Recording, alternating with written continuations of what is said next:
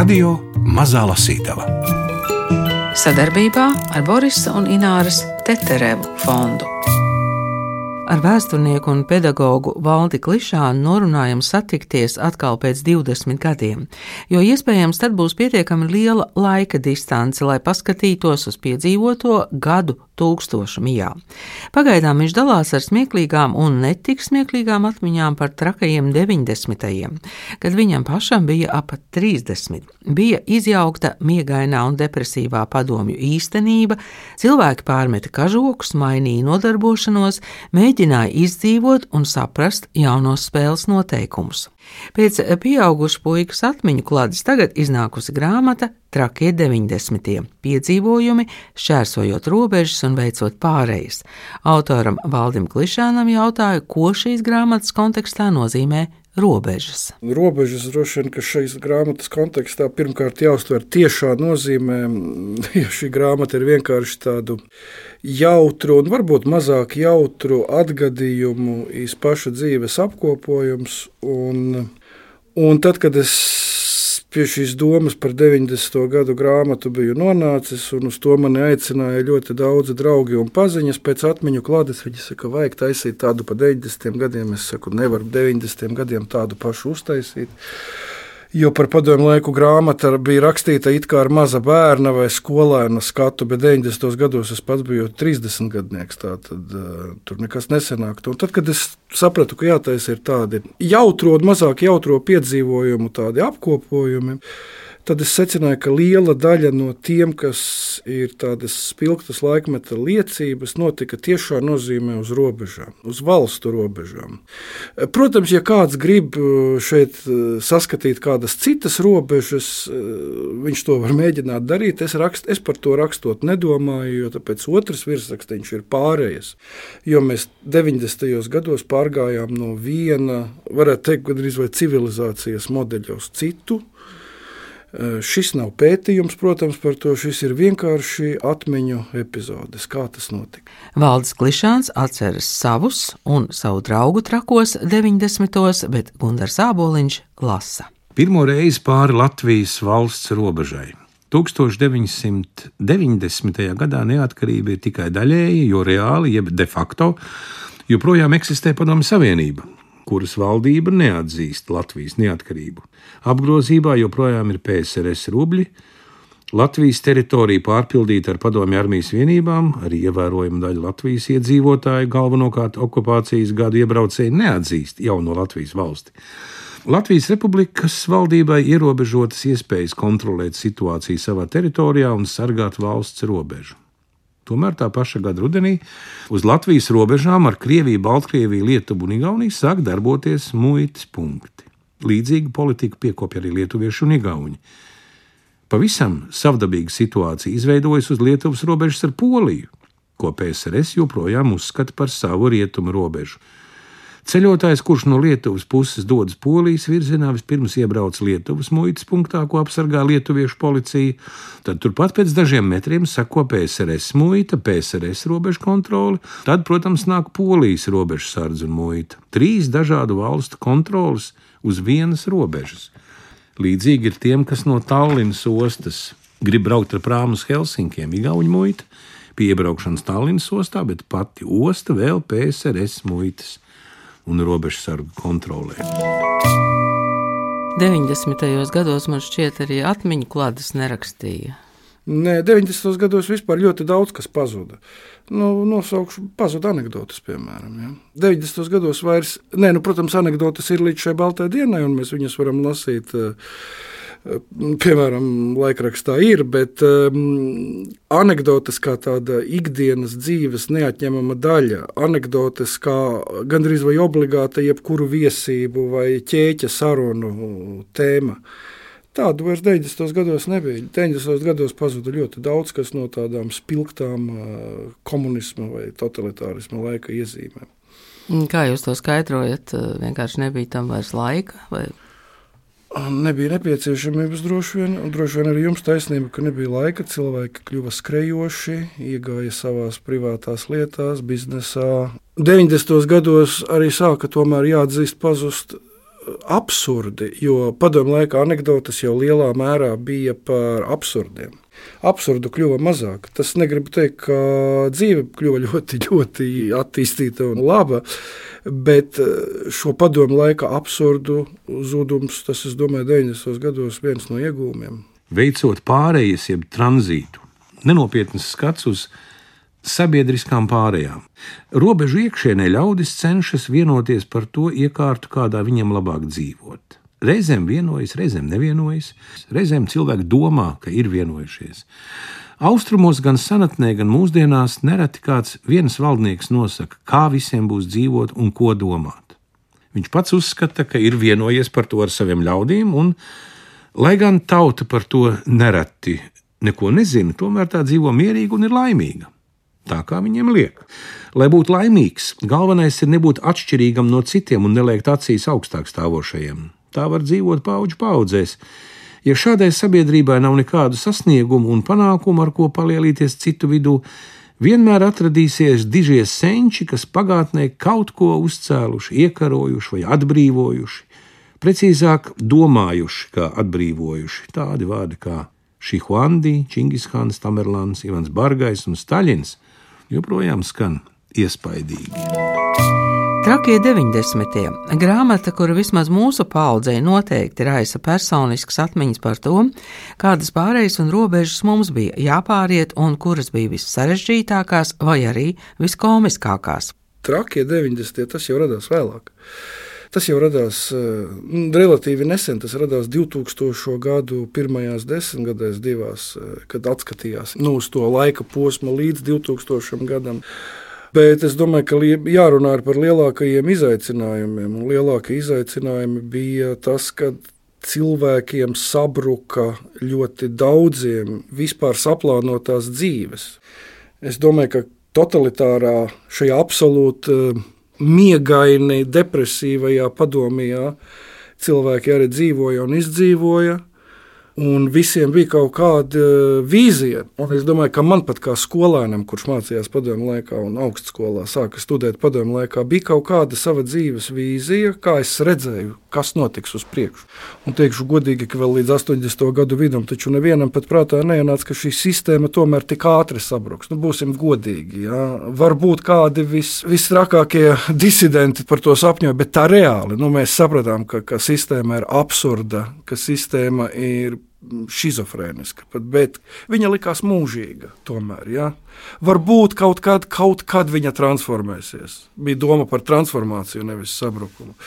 Tad 90. gados šīs saplānotās dzīves cilvēkiem sabruka. Nu, pašā, mm, varbūt nevienmēr negatīvā nozīmē. Ja, varbūt es domāju, ka jau šajos, šajos sabrukumos bija daudz jaunu izaicinājumu. Nu, es tikai dažus piemērus, par kuriem es grāmatā rakstu. Uh, Un es domāju, ka es esmu viens no tiem, kuriem bija nosacīti jaunie zinātnieki, jaunie pedagoģi, jaunie skolotāji.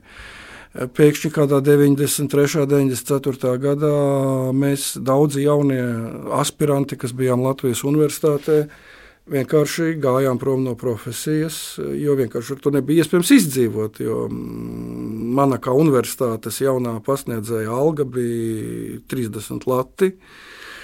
Un ar to vienkārši nevarēja cilvēks nekādi eksistēt. Un tad vieni gāja uz privāto biznesu, citi gāja uz, uz ministrijām strādāt. Tā skaitā es tādā veidā nokļuvu izglītības un zinātnes ministrijā.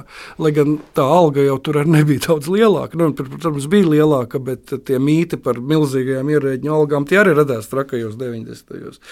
Skolotāji, arheologi sāka dibināt savas remonta brigādes. Tad iedomājieties, ka zinātnieki, arheologi vienkārši vienkārši vakaros eh, remontēt dzīvokļus, jo mums visiem daudziem vīriešiem bija padomju laikos studentu celtnieku vienībās iegūtā pieredze kaut kāda. Mēs prātām tur mūrēt, paktelēt, eh, liet betonu, un kaut ko mēs prātām. Tā, tā tad eh, veidojās šādas skolotāju, zinātnieku brigādes, kas sāka vienkārši, lai izdzīvotu. Es domāju, tie bija šie izaicinājumi.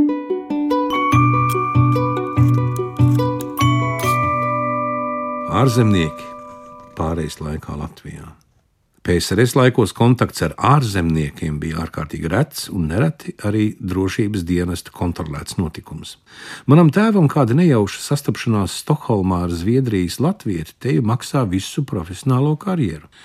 Pārējais laikā ārzemnieki Latvijā kļūst par ikdienišķu parādību. Latviju apmeklē gan augsti viesi, Dānijas un Zviedrijas karaļpāri, ASV prezidents Bills Klintons, Romas pāvests Jānis Pāvils II, Francijas prezidents François Mitterāns, universitātē ir daudz vieslektoru, sākas aktīva pārrobežu sadarbība, tiek veidoti starptautiska līmeņa projekti. PSRS laikos mēs, latvieši, jutāmies kā rietumnieki, tomēr saskarsmē ar īstajiem rietumniekiem šķiet vairāk esam austrumnieki. Tās ir PSRS okupācijas sekas. Atšķirības ir acīm redzamas un jūtamas. Esam saspringti, vāji, protams, angļu valodu, reti, kad smaidām, neprotam runāt diplomātiski. Rietumnieki tāpēc nereti uz mums raugās kā uz maziem pusaugu bērniem, kuriem vēl jāmācās gan uzvedības normas, gan elementārās zināšanas un jāapgūst rietumu vērtības. Postpadomi Latvija daudziem rietumniekiem ir īsta eksotika. Reiz ar vairākiem ārzemniekiem jābrauc uz cēsīm vai valmīru, precīzi neatceros ne gadu, ne viņu skaitu. Un toreiz mans vecais, jaunais autokārts jau reizes saniķojies, tāpēc izmantojam vilcienu. Tradicionālais RVR, Rīgas vagonu rūpnīcas, dīzeļvilciens ar vēl padomijas laiku krāsu, tikai ar uzrakstu Latvijas dzelzceļš, kaut kur pie Siguldas kādai mūsu viesu kundzei rodas vajadzība apmeklēt vagonu toaleti atvērusi toaletes durvis, viņa burtiski atsprāgst atpakaļ. Uzvedība aizsmārts, turklāt kāds nav trāpījis podā pa lielajām darīšanām, jāciešas līdz izkāpšanas stacijai, bet arī tur padomīs stila labierīcības uz peronu. Chlors, kož acīs, betona grīdā caurums. Mani ārzemju kolēģi tomēr ir apmierināti, jo nekur tādu nekur pasaulē nesot redzējuši tādu eksotiku. Viņi pat fotografē. Vēl pēc dažiem gadiem Rīgā organizējam vēsturnieku starptautisku semināru par tematu Padomi mantojums Latvijā. Tad speciāli vedam savus rietumu kolēģus ne tikai uz okupācijas muzeju, bet arī par Rīgas Hruščovku un Bražņovku mikrorajoniem, padomijas industriālajiem objektiem, Lieliski, viņi saka, jums šis viss noteikti ir jāsaglabā. Tāpēc gadiem būs unikāla vieta Eiropā, kur runāt par PSRS un totalitārismu vēsturi. Mums gan ir nedaudz atšķirīgs viedoklis, jo negribas dzīvot kā PSRS muzeja telpās.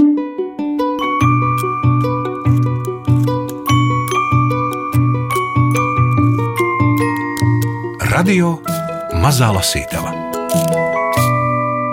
Mēdz runāt par um, zudušajām paudzēm, vai 90. gadu, nu tie 30 gadnieki. Jūs uzskatāt, ka tā ir tāda zudusī paudze, vai tieši otrādi tur bija iespēja ielēkt uh, tādos vilcienos, ko šobrīd vairs nav iespējams. Gan drīz no studiju sola ielēkt ārlietu ministrijā, jo tev bija tikai svešvalodas zināšanas un tam līdzīgi.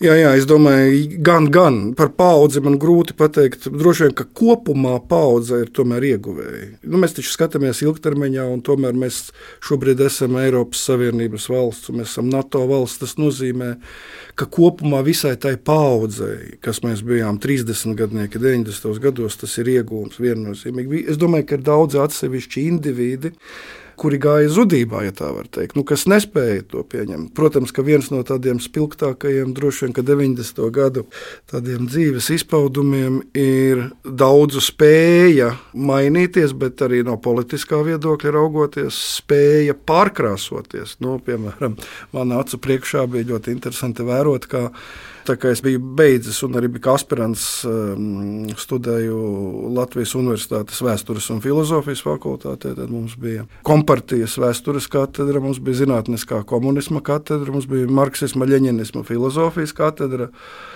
kā mācību spēki pēkšņi kļuva par politologiem. Un es arī, ja tagad mēs saliekam šīs divas grāmatas kopā, es, protams, negribu šeit minēt nekādus uzvārdus, jo es ne uz vienu neturu ļaunu prātu, jo tas ir laikmeta tāda liecība, ka es biju tikko pat vēl vēlējā padomju laikā kļuvis par aspirantu. Man bija eksāmenis jākārto, un es kārtoju eksāmenu, un man kāds profesors saka, Nu, labi, jūs valdi atbildējat, bet jūs pārāk maz lietojat marksistiski leņķinisko terminoloģiju. Jums vajadzētu vairāk studēt marksisma klasiķa darbus, lai jūs savas atbildes vairāk varētu pamatot marksismā. Pagāja pieci gadi, es biju jaunais pasniedzējs, šis pats profesors nāca mani hospitēt. Noklausījies manis nolasīto lekciju, viņš teica, valdī, tev ir par maz nacionālā, te vairāk vajag skatīties no nā. Tā tad bija šī arī spēja pārkrāsoties, bet tā bija neizbēgama, jo Jo manā klātbūtnē fakultātē tobrīd e, vairāki kolēģi, kas bija saistīti ar socioloģiju un filozofiju, veica arī pētījumu par, un es vienkārši no tādām personiskām sarunām ar viņiem atceros, ka viņi teica, ka var mainīties ideoloģijas, var mainīties režīms, bet politiskās elites jau nemainās, jo mums vienkārši jau nebija citu cilvēku. Mēs arī redzējām, kas notika, kad augstus amatus ieņēma tie, kas, nu labi, komunisma laikā, bet kuri nav bijuši saistīti ar valsts pārvaldi.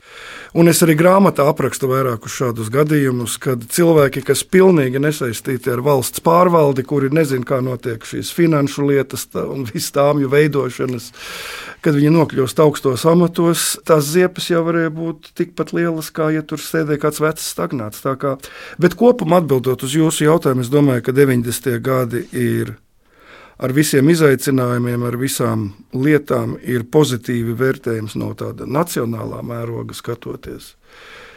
Jo mēs pieturēsimies pie jēdziena, tas, kas tevi nenogalina, padara stiprāku. Pēc vecmāmas aiziešanas mūžībā mantojam dzimtas lauku māju. Protams, tajā nedzīvojam, bet uz laukiem braucam pa brīvdienām nedēļas nogalēs un pavadām tur vasaras atvaļinājumus. 90. gadu sākumā lauku īpašums sāk piedzīvot regulāras zādzības, Te jau katru otro nedēļu kāds atlauž durvis vai izsit logus, zog traukus, vecus dvieļus, segas, pat it kā nevienam nevajadzīgas lupatas.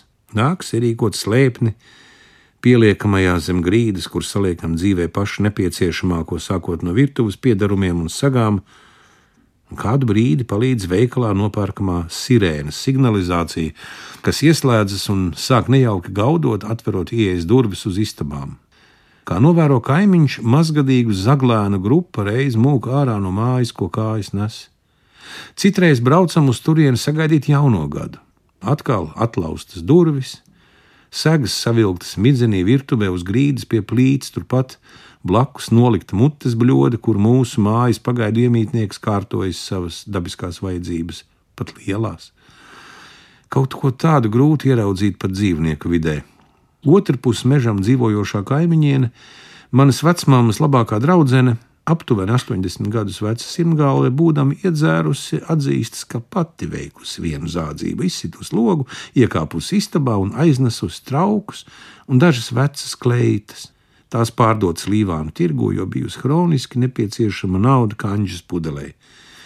Mums, rīdziniekiem, viņas prāta naudas kā spaļu, bet viņai nesot ko ēst, nu, tas ir dzert un nav bijis citas iespējas. Trauks mēs nopirkšot jaunu, bet vecās kleitas tāpat nevienam vairs nesot vajadzīgas. Vai tas ir arī tāds apjukuma laiks, tāda nu, ļoti sarežģīta spēja orientēties, kas tagad notiks, ko darīt? Tas, ko jūs jau minējāt, ka tā it kā saplānotā miegainā depresīvā dzīve ir beigusies, bet tagad ko darīt? Tas ir apjukums. Ļoti daudziem, jā, ļoti grūti ir iejusties dažādās lomās, ja kādas tajā laikā varēja būt. Vieniem tas bija apjukuma laiks, un tie, kas apjuka un neizgāja no tā apjukuma arī visu šo laiku ārā, tie arī nu, nosacīti kā varbūt cilvēki, kuriem katram cilvēkam ir dots kaut kāds mērķis dzīvē, un kaut kādi uzdevumi un tad, tad jēgas piepildījums. Es domāju, ka tie arī bieži vien neatrada šo savu vietu jaunajā. Ja? Es tāpēc arī grāmatā rakstu. Man bija tāda interesanta situācija, ka viens mans fakultātes biedrs, kas bija ļoti iecienīts skolotājs savā pagastā, kuram sava māja, ģimene, viss viņam ir, bet, protams, nu, viņam ir vīrietim, ir skolotāja alga. Nu, sieva arī strādā par skolotāju, bet ir ļoti grūti e, izdzīvot 90. gados. Nu, es viņu sen, sen nebiju saticis, un es viņu satieku pēc kaut kādiem septiņiem, astoņiem gadiem. Un viņš stāsta, ka viņš dzīvo vai no Anglijā vai Īrijā, un viņš tur strādā kaut kādā rūpnīcā, viņš fasē preces, sieva tur ar par auklīti kaut kur strādā. Un es redzu, ka viņš ir, kā jūs teicāt, apjucis. Viņš joprojām ir apjucis, viņam tagad, vis, viņš, viņš, protams, saka, ka man tagad viss ir, man ir tur, es tagad nepateikšu, nu, tur 2000 šito mārciņu alga, un, un viss man ir. Bet es viņam acīs redzu, ka viņš vienalga ir nelaimīgs, jo šeit viņš bija nabaks, bet te viņš bija atpazīstams, un viņš bija cilvēks, kas ir autoritāte daudziem. Un es domāju, ka viņa tā iekšējā jēga bija uh, dot jauniešiem, kolēģiem kaut ko no sevis. Un tagad viņam ir alga, viņam ir stabilitāte, kā viņš teica. Lai gan tas dzīves līmenis, ja mēs salīdzinājām viņu algas un viņu izdevumus, viņš jau daudz nav augstāks. Jā. Šeit arī cenas, bija, protams, tajā laikā ievērojami zemākas. Un es uz viņu tā ar viņu runāju, un, un es jūtu, ka viņš ir patiesībā diezgan nelaimīgs.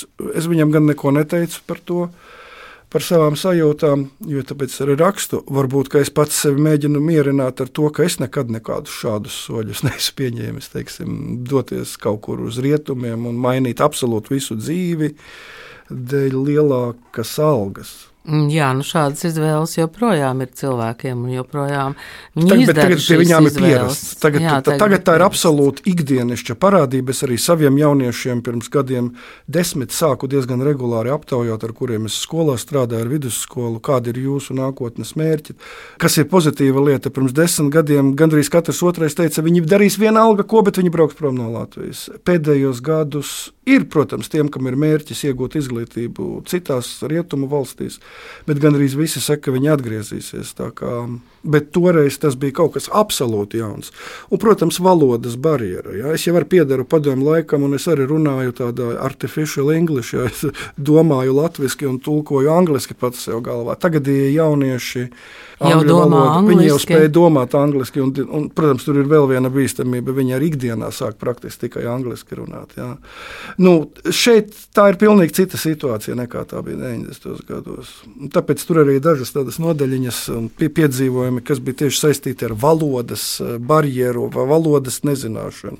Nu, viens no tādiem pavisam, lai varbūt klausītājiem būtu interesanti, ka skolotāja grupā aizbrauc uz Dāniju un tagad viņiem pasaka, ka viņi tiks vesti uz spāus termiskajiem avotiem avotiem. Un skolotāji savāca spēļu kostīmus, čībiņas un baigi labā noskaņojumā brauks uz spāru, bet viņi nav sapratuši angļu valodu. Viņus ved uz termisko atkritumu pārstrādes rūpnīcu. nu, tas tikai parāda tās situācijas, kādi mēs tolaik bijām. Mēs, kas padomju savienībā jutāmies kā rietumnieki, kā eiropieši, ka mēs nonācām īstajā rietumā Eiropā, ja, un kā uz mums skatījās, kā mēs skatījāmies, un tās visas mūsu sajūtas. To ļoti labi varēja sajust dažādās konferencēs, ka mēs esam visai kaut kur pa vidu. Pārējais laika algas, cenas, jaunas preces un izklaides. 90. gadu sākums. Strādāju divās darba vietās - Latvijas Universitātē un Rīgas 36. vidusskolā. Vēl nesen PSRS beigu cēlienā skolotājiem pamatīgi palielināta alga. Kāda mana kolēģa pensijas vecuma kundze, tobrīd vēl biedrene, teica, ka tagad nezinot, kur to naudu liekot. Dāvina mums, jaunajiem praktikantiem, krāsainas un dārgas bilžu grāmatas par Latvijas putniem, dabu un, un upēm. Tobrīd tādas tikai nesen kā sāk izdot pie padomjas pelēcības pieradušajiem, tās šķiet ļoti skaistas. Tomēr drīz sāks tāda inflācija, ka no skolotāju algas nekas pāri nepaliek. Algas, cik atminos, netiek indeksētas, vai arī ar visu indeksāciju tās nespēja tikt līdz cenām. Arī preču klāsts tās sauktajos valsts veikalos palicis pilnīgi nožēlojams. Daudzas preces iegādājamas pretī dodot talonus. Taloni ir cukuram, alkoholam, apaviem un, ja nemaldos, pat apakšveļai. Kaut cik jēdzīgs sortiments redzams kooperatīvajos veikalos, tur nereti uz vienas letes saliktas gan košļājumās gumijas, snikeri un marsi un saļie rīkstiņi, gan sieviešu higiēniskās paketes, gan pirātiski audio ieraksti, kompaktdiskos, kasetēs un lentēs, un pirātiski video ieraksti VHS formātā, arī tā sauktie vārītie džinsi, jeb varjonkas, importa alusbuļģis un sporta apavi, taču pats galvenais cenas. Tolaik rēķinu, ka man skolā un universitātē jāstrādā vesela diena, lai varētu atļauties nopirkt importa sāļos rīkstiņus buļģā. 1992. gadā notiek pārēja uz Latvijas rubļiem. Tāda laba sajūta, domājot, ka vairs nebūs jālieto PSRS nauda. Padomju rubļi bijuši kopš sevi atceros, bet citu naudu esmu turējis rokās tikai Ungārijā, Rumānijā un abās Vācijās. Latvijas naudas banknotes gan ir ļoti primitīvas. Tām ir nevisai pārdomāts dizains, bet visi saprotam, ka tā jau tikai pārejas nauda un gaidām to brīdi, kad tiks laists apgrozībā leģendārais Latvijas lats. Algu universitātē izmaksā skaidrā naudā, pie kases lodziņa, algas dienā parasti izveidojas gara darbinieku rinda. Dienā, kad pirmo reizi algu maksā jaunajos Latvijas rubļos, kasieri jautā, kādā naudā gribot PSRS rubļos vai jaunajos Latvijas rubļos. Rindā ir cilvēki, kas grib tikai un vienīgi pierastajos PSRS rubļos, jo nesot ticības jaunajai valūtai, ko tautā drīz iesauc tā laika finanšu ministra Eināra Repšas vārdā par repšikiem. Citi ņem daļu vienās un otru daļu otrās naudas zīmēs. Nezinu, vai pie vainas patriotisms, bet es prasu tikai Latvijas rubļus. Cik nu tur man sanāk, kādi 600 vai 700? Arī pašas nepieciešamākās preces tobrīd maksā desmitos un simtos. 1992. gadā Igaunija pāriet uz savu jauno nacionālo valūtu kronām. Šī iemesla dēļ tā paša gada rudenī brauc uz Tallinu, lūkoties uz kronas panākumiem. Ainažu iklas robežpunktā pirmo reizi samaina Latvijas rubļus pret Igaunijas kronām. Gaumīgu un īsta izskata naudu. Nedaudz skaužu. Vēl vairāk skauž, kad staigāja pa Tallinas centru. Kapitālismu celtniecībā Igauni mums priekšā tas nu ir nenoliedzami. Daudz viet redzams krāsaini izgaismotas veikalu vitrīnas, firmas benzīna tanki, daudz vairāk ārzemju automašīnu, bet bijušais padomi laiku Tallinas centrālais universāla veikals jau nedaudz atgādina īstu rietumu lielveikalu, preču pilni plaukti, un tajā netrūkst arī smaidīgu pircēju. Pirmie labklājības sabiedrības pamati tur jau ir ielikti. Beidzot, arī pie mums ievieš latu. Ļoti skaists, gaumīgs un teiktu, latvisks dizains. Patiesi smukākā nauda, ko nācies turēt rokās. Vienīgā problēma, ka tās ir maz. Alga universitātē 35 lati, skolās 60 latu. Saņēmis skolā pirmo algu latos, dodos uz netālo jauno privātu veikalu, kas atvērts Jūglas bijušā universāla veikala vietā audio iekārta GVC 250 latu, VHS magnetofons Panasonic 320 latu, importa velosipēds 1100 latu. Velosipēda cena šokē. Tolaik, lai tiktu līdz savām lauku mājām no dzelzceļa stacijas, dikti noderētu velosipēds. Paveicās! jo pēc mēneša Jēkabpilī vecā padomju tipa veikalā jaunu postpadomju republikā ražotu divriteni nopērku par universitātes mēneša algu - aptuveni 40 latiem. 1993. gadā iesaistos pirmajā starptautiskajā projektā, kurā nopelna veselus 300 amerikāņu dolāru. Interesanti, ka nekāds līgums ar projektu vadību netiek slēgts.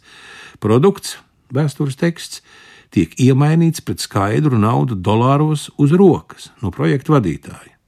Individuālo kontu bankās vēl nav, arī vida vēl tā īsti laikam nav. Ar daļu nopelnītā 200 dolāriem pietiek, lai nākamajā ziemā aizbrauktu slēpot uz polijas zakopani. Sanāk gan ceļam ar vilcienu, gan naktsmājām viesunamā, gan ēšanai, gan skīpasei. Tos, kuri mūs klausās ārpus lineārās raidīšanas, tātad internetā, raidierakstos, tos gaida vēl daži trako 90. piedzīvojumi.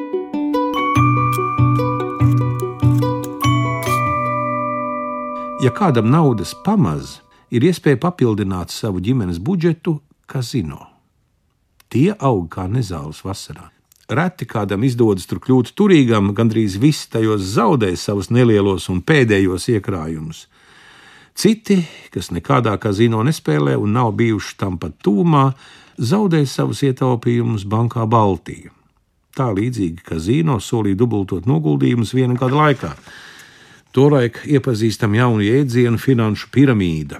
Bankas Baltijas kraks ir ne tikai finanšu krīzes cēlonis, bet laba mācība stunda sabiedrībai, kā nauda pelna naudu, kas ir bankas likviditāte, uz ko var cerēt un uz ko nevar, veicot noguldījumus.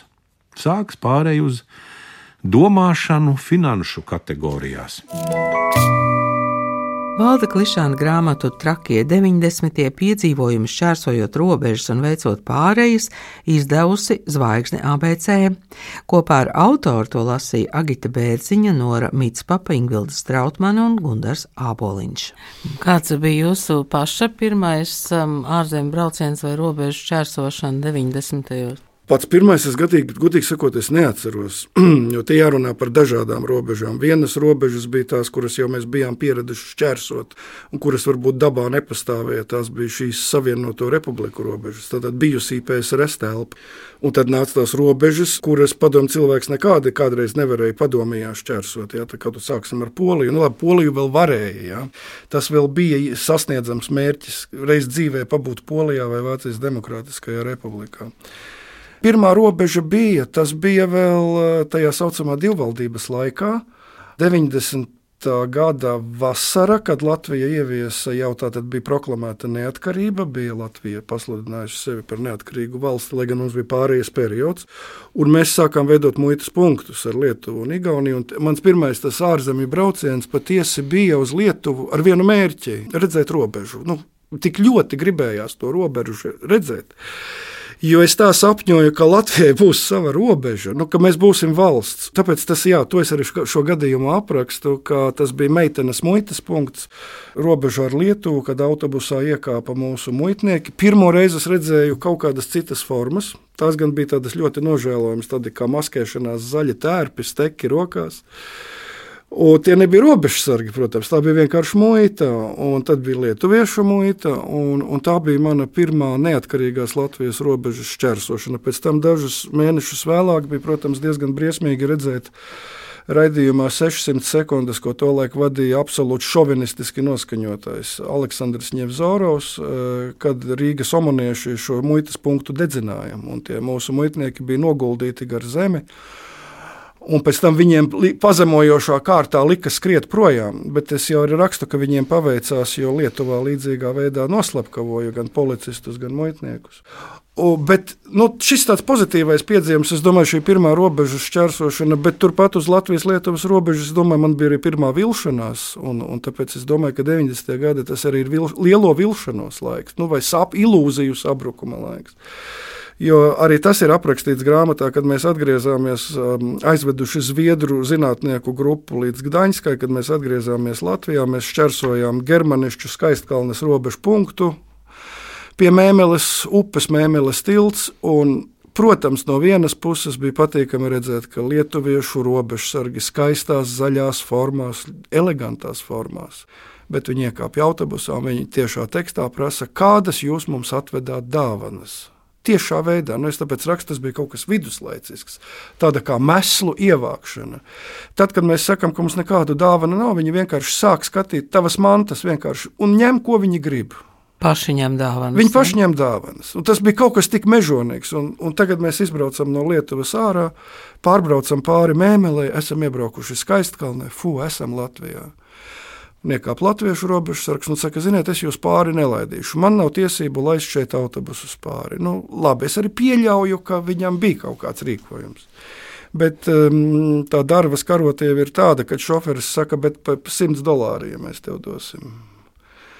Ne, sākumā piedāvāja 50. Viņš saka, es nevaru. Viņš saka, jo es jau par 50 dolāriem jūs ielaistu. Bet redziet, rekrutē tā māja, tur dzīvo viens zemesargs. Apzinīgs. Un, ja tas zemesargs, apzinīgs, es tagad uzsveru šo vārdu, zemesargs ieraudzīs, ka es jūs ielaižu, bija nakts vidus, kaut kur divi naktī, tumsā, ja tas bija vēlā rudenī kad, ja es jūsu autobusu ielaižu iekšā, viņš mani nostučīs, un tad mani var atlaist no darba. Un tad mūsu autobusa šoferis un īpašnieks saka, bet ja 100 dolāri, ja viņš tagad guļ, tas zemesargs, visi 100 tev, ja zemesargs neguļ, tad 50 viņam, 50 tev. Nu, robežsargs saka, labi, brauciet.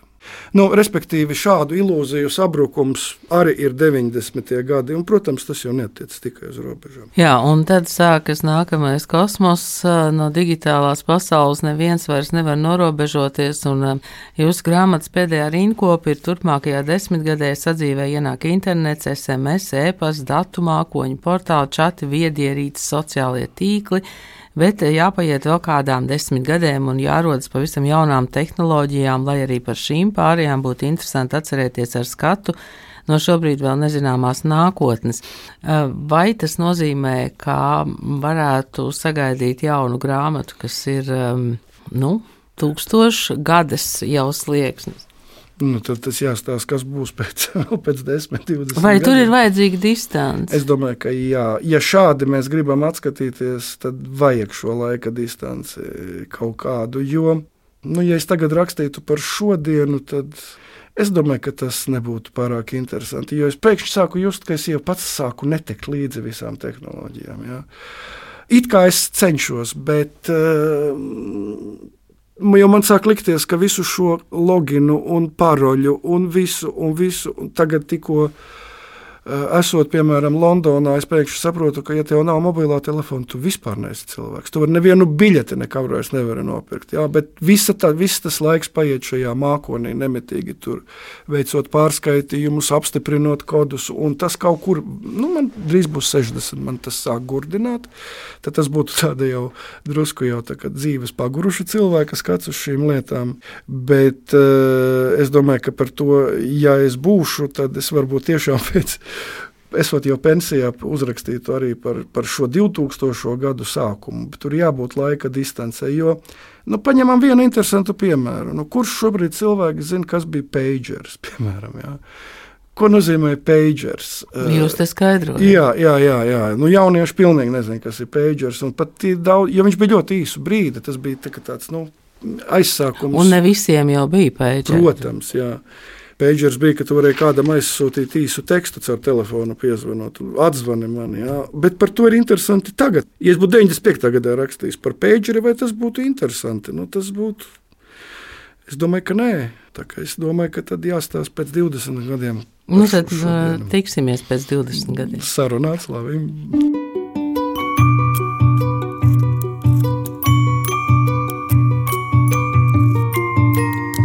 Radio Mazā Lasītava Sadarbībā ar Borisa un Ināras Teterevu fondu.